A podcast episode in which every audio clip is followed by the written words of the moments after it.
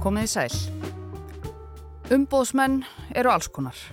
Þeir geta farið með umbóð fyrir hljómsveitir, íþróttastjörnur, skuldara, börn og alþingi. Við fjöllum um hinn síðastnemda í dag. Umbóðsmaður alþingis hefur mjög stóru hlutverkið að gegna í samfélaginu. Það er að segja ábyrðarsvið hans og batterísins sem hann leiðir er mjög viðfemt. Starfsviðið það tekur þó kvorki til starfa alþingis nýja stopnana þess en hann hefur samt heimil til þess að benda þinginu á meinbugi á lögum. Og þetta helgast að því að umbóðsmaður er kjörinn af þinginu og er í rauninni trúnaðarmadur þingsins.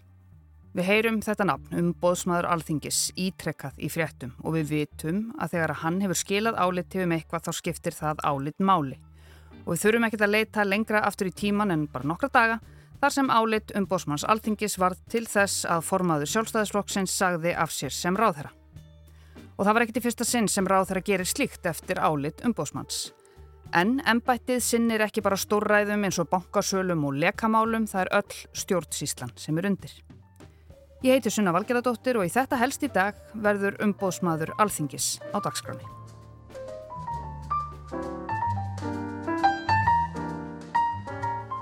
Stittan af óþekta embættismanninum stendur við Reykjavíkur tjörn og blasir við bæði ráðhúsinu og alþingishúsinu.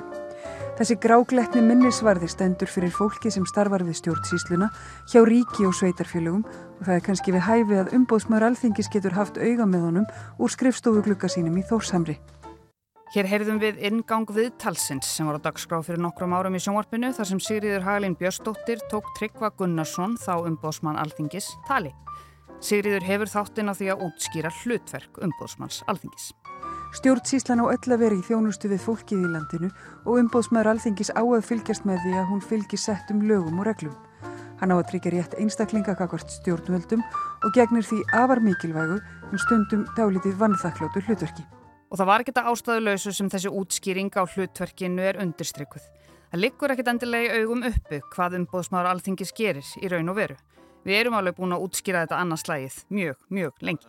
Hlutverk umbóðsmanns er að hafa í umbóði alþingis eftirlit með stjórnsýslu ríkis og sveitarfélaga og tryggja rétt borgaranlega hvað stjórnvöldum landsins. Hann getur tekið mál til meðferðar eftir kvörtunum eða af sjálfsín frum hvæði.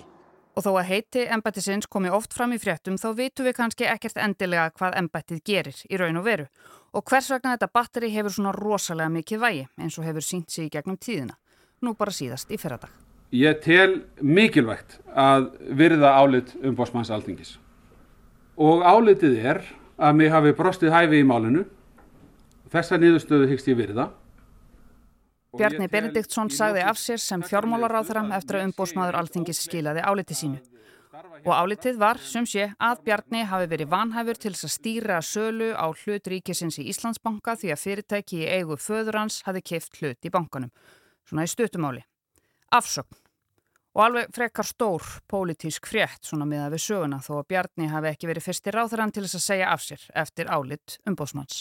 Hvernig getur þú haldið fram í dag eftir að þetta er byrst og fullist enn einu sinni að það hefði engin reynd að hafa áhrif á lauruglunaransóknuna að því að þar er beinleins líst ítrekkuðum afskiptum og ílutunum þínum og annara af þessari lauruglunar. Það er bara ekki rétt helgi. Ef þú lest gögnin þá kemur fram... Lekamálið.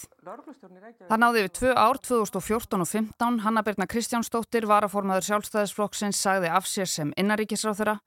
Hún var reyndar ekki búin að því þarna þegar Helgi Seljan tók viðtal við hana en það gerðist skömmu síðar. Málið snýrist fyrst um að finna út hver hafi lekið minnisbladi um nýgerískan hælisleitenda Tóni Ómurs úr innaríkisráðunitinu til fjölmiðla. En eins og stundum er, þá er það ekki endilega glæpurinn, heldur yfirhilmingin sem verður fólkið að falli. Lauruglustjórin á höfuborgarsæðinu sagði af sér og í DFF var því sleið upp að ráþarann hafði haft svo mikil afskipti af rannsókninni að lauruglustjórnum hafi fundist nóg um. Í þessu lekamáli þá leikur það fyrir með við það sem að hluta með sá ráþara sem þá átt í hlut og það starfsfólk ráðuneytisins annað en hlutaðandi einstaklingur að þannig varum að ræða verulegt trúnaðabrútt gagvar þessum einstaklingum. Þessir einstaklingar stóði þeirri trú að, að samstarfsmæðu þeirra fylgdi þeim lögum og reglum sem að, að hérna gilda um þeirra störf. Þetta er Tryggvi Gunnarsson sem var umbóðsmaður alþingis í tvo áratvíi. Hann baðst laustan frá störfum vorið 2021 og er þarna að tala um Gísla Frey Valdorsson, aðstóðarmann Hönnubyrnu sem viðurkendi loks að hafa lekið minnisblæðinu eftir að hafa neytað í staðfastlega og bent á samstarfsmenn sína í ráðunetinu. Maður bara kemur á einhverju tímpunkti á endastöð þar sem að maður átt að segja því að maður getur ekki sagt ósatt lengur og ég er bara svolítið komið þangað núna. Þar sem ég neytaði fyrir málið í upphæfi og festist á einhvern veginn í Gísli Freyr var dæmdur í átta mánuða skilásbundið fangelsi og Hanna Birna hætti eftir harðort álit umbósmanns. En, já, hvað gerir umbósmaður alþingis og af hverju hefur hann svona mikil völd?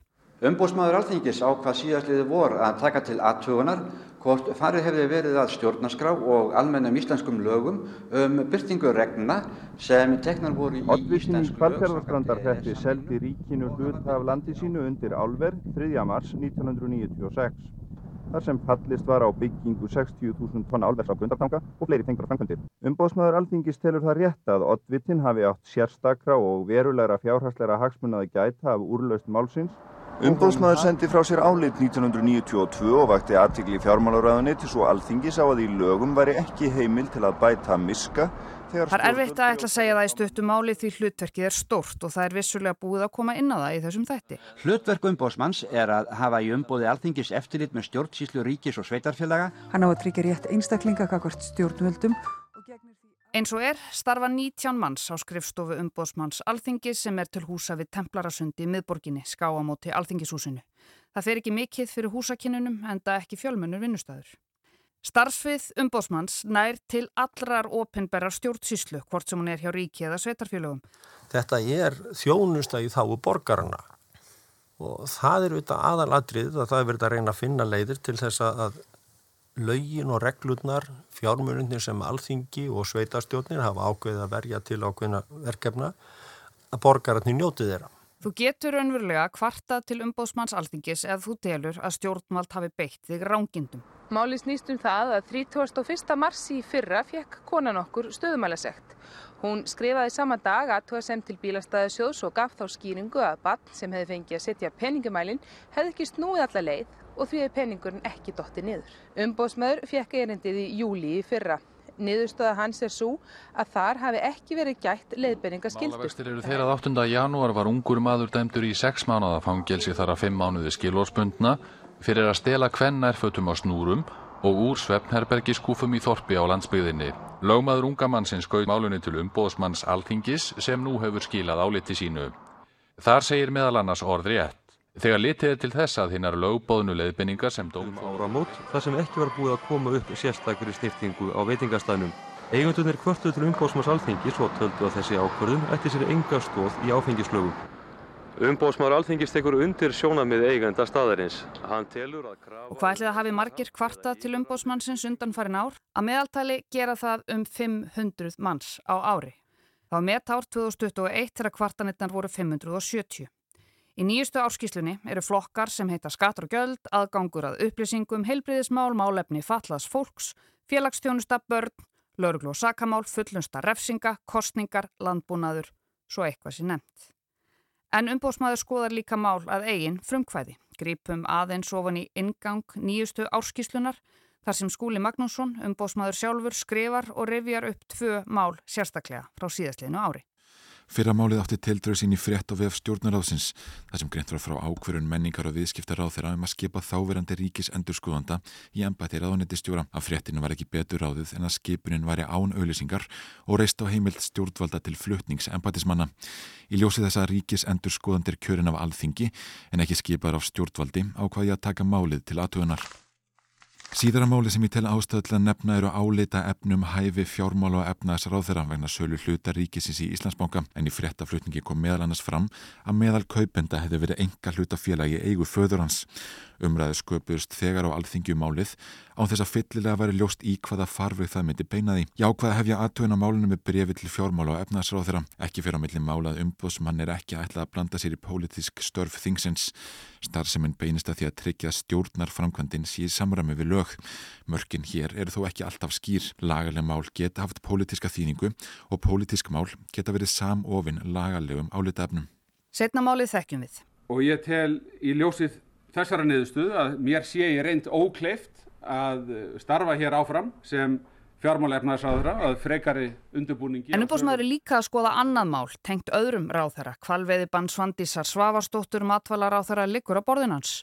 Svo gerðan líka alvarlegar aðtúasendir við stöðu kvenna í fangelsum sem leti meðal annars til þessa hér.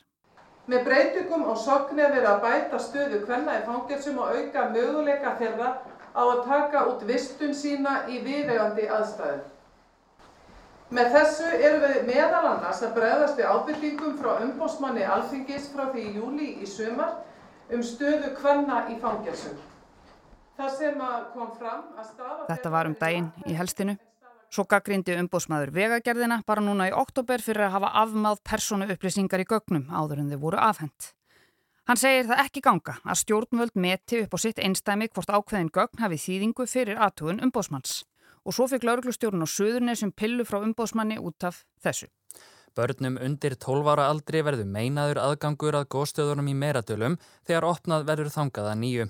Áfram verður lokað í dag og lauruglustjóri segir að nú verði betur tryggt en áður. Þetta mátti lauruglustjórun ekki gera. Umbóðsmaður fer ekki með dómsvald. Hann er eftirlitsmaður sem að, e, eða eftirlitsaðili sem að þingið kýs. E, en hann er ótengdur þinginu, hefur sjálfstæði gagvart því eins og, eins og hérna ríkisendurskoðandi og ef að umbóðsmaður ætlar að viðhalda trösti á sínu störfum þá verður hann einfalda rauksti að þannig að það sé engin, engin hérna ekki tækt að eh, finna neina galla á því. Nei. Það er allt öruvíseldur en dómarar geta talað sko.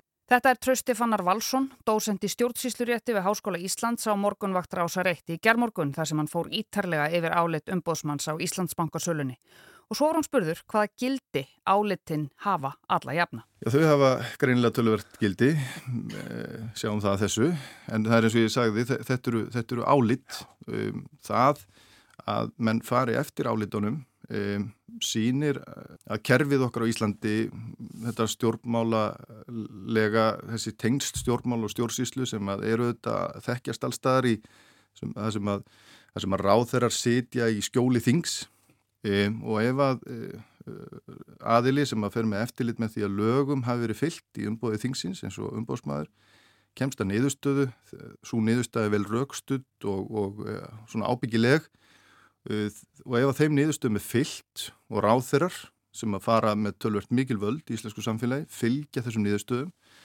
að, að þá er það þraustleika merki á samfélagi og réttaríkinu, það er að segja það, er, það, það gefur okkur góða hugmyndum það að, að, að menn vilji fylgi og fylgi lögum og rétti og það er sem sagt svona heilbreyðismerki, getur maður sagt, þegar, þegar svona kerfi virkar, af því að þetta er ekki bindandi. Man gætu valið að hunsa svona álit, en þá myndi fljótt, þá myndi menn fljótt auðvitað lenda í vandraðum, því að þetta eru, þetta eru álit sem að ganga út á að lýsa hvaða lagareglur eru búið að setja og það lítur ju að vera vilja okkar allra að að fylgja þeim bara og ef það er ekki virka rétt þá þarf að breyta þeim og laga. Og það eru leikregluna sem við þurfum að fylgja í réttaríki og, og þannig að, að álitin hafa mikið, mikla þýðingu á Íslandi. Það, það væri auðvitað, það gæti grafið undan þessari þýðingu ef, að, ef, að, ef að við byggjum í, í hérna ríki sem að, sem að ekki hefði heidri þessa, þessa hagsmunni sko, að fylgja lögum og rétti Ætlaði sé ekki við hæfið að ljúka þessum þætti um umbóðsmann alþingis á þessum orðum ást trösta að álit umbóðsmanns og hvort farið sé eftir þeim sé ákveðin hittamælir og heilbreyði kervisins alls. Vonandi eru við öll einhvers vísari um hlutverk þessa embættis þessarar litlu 20 manna skrifstofu við Templarasund og þekta embættismannin í bakarði alþingis. Ég heiti Sunna Valgerðardóttir og hlutverk umbóðsmanns alþingis var helst hjá mér í dag. Takk fyrir að leggja við hlustir og við heyrumst aftur á morgun.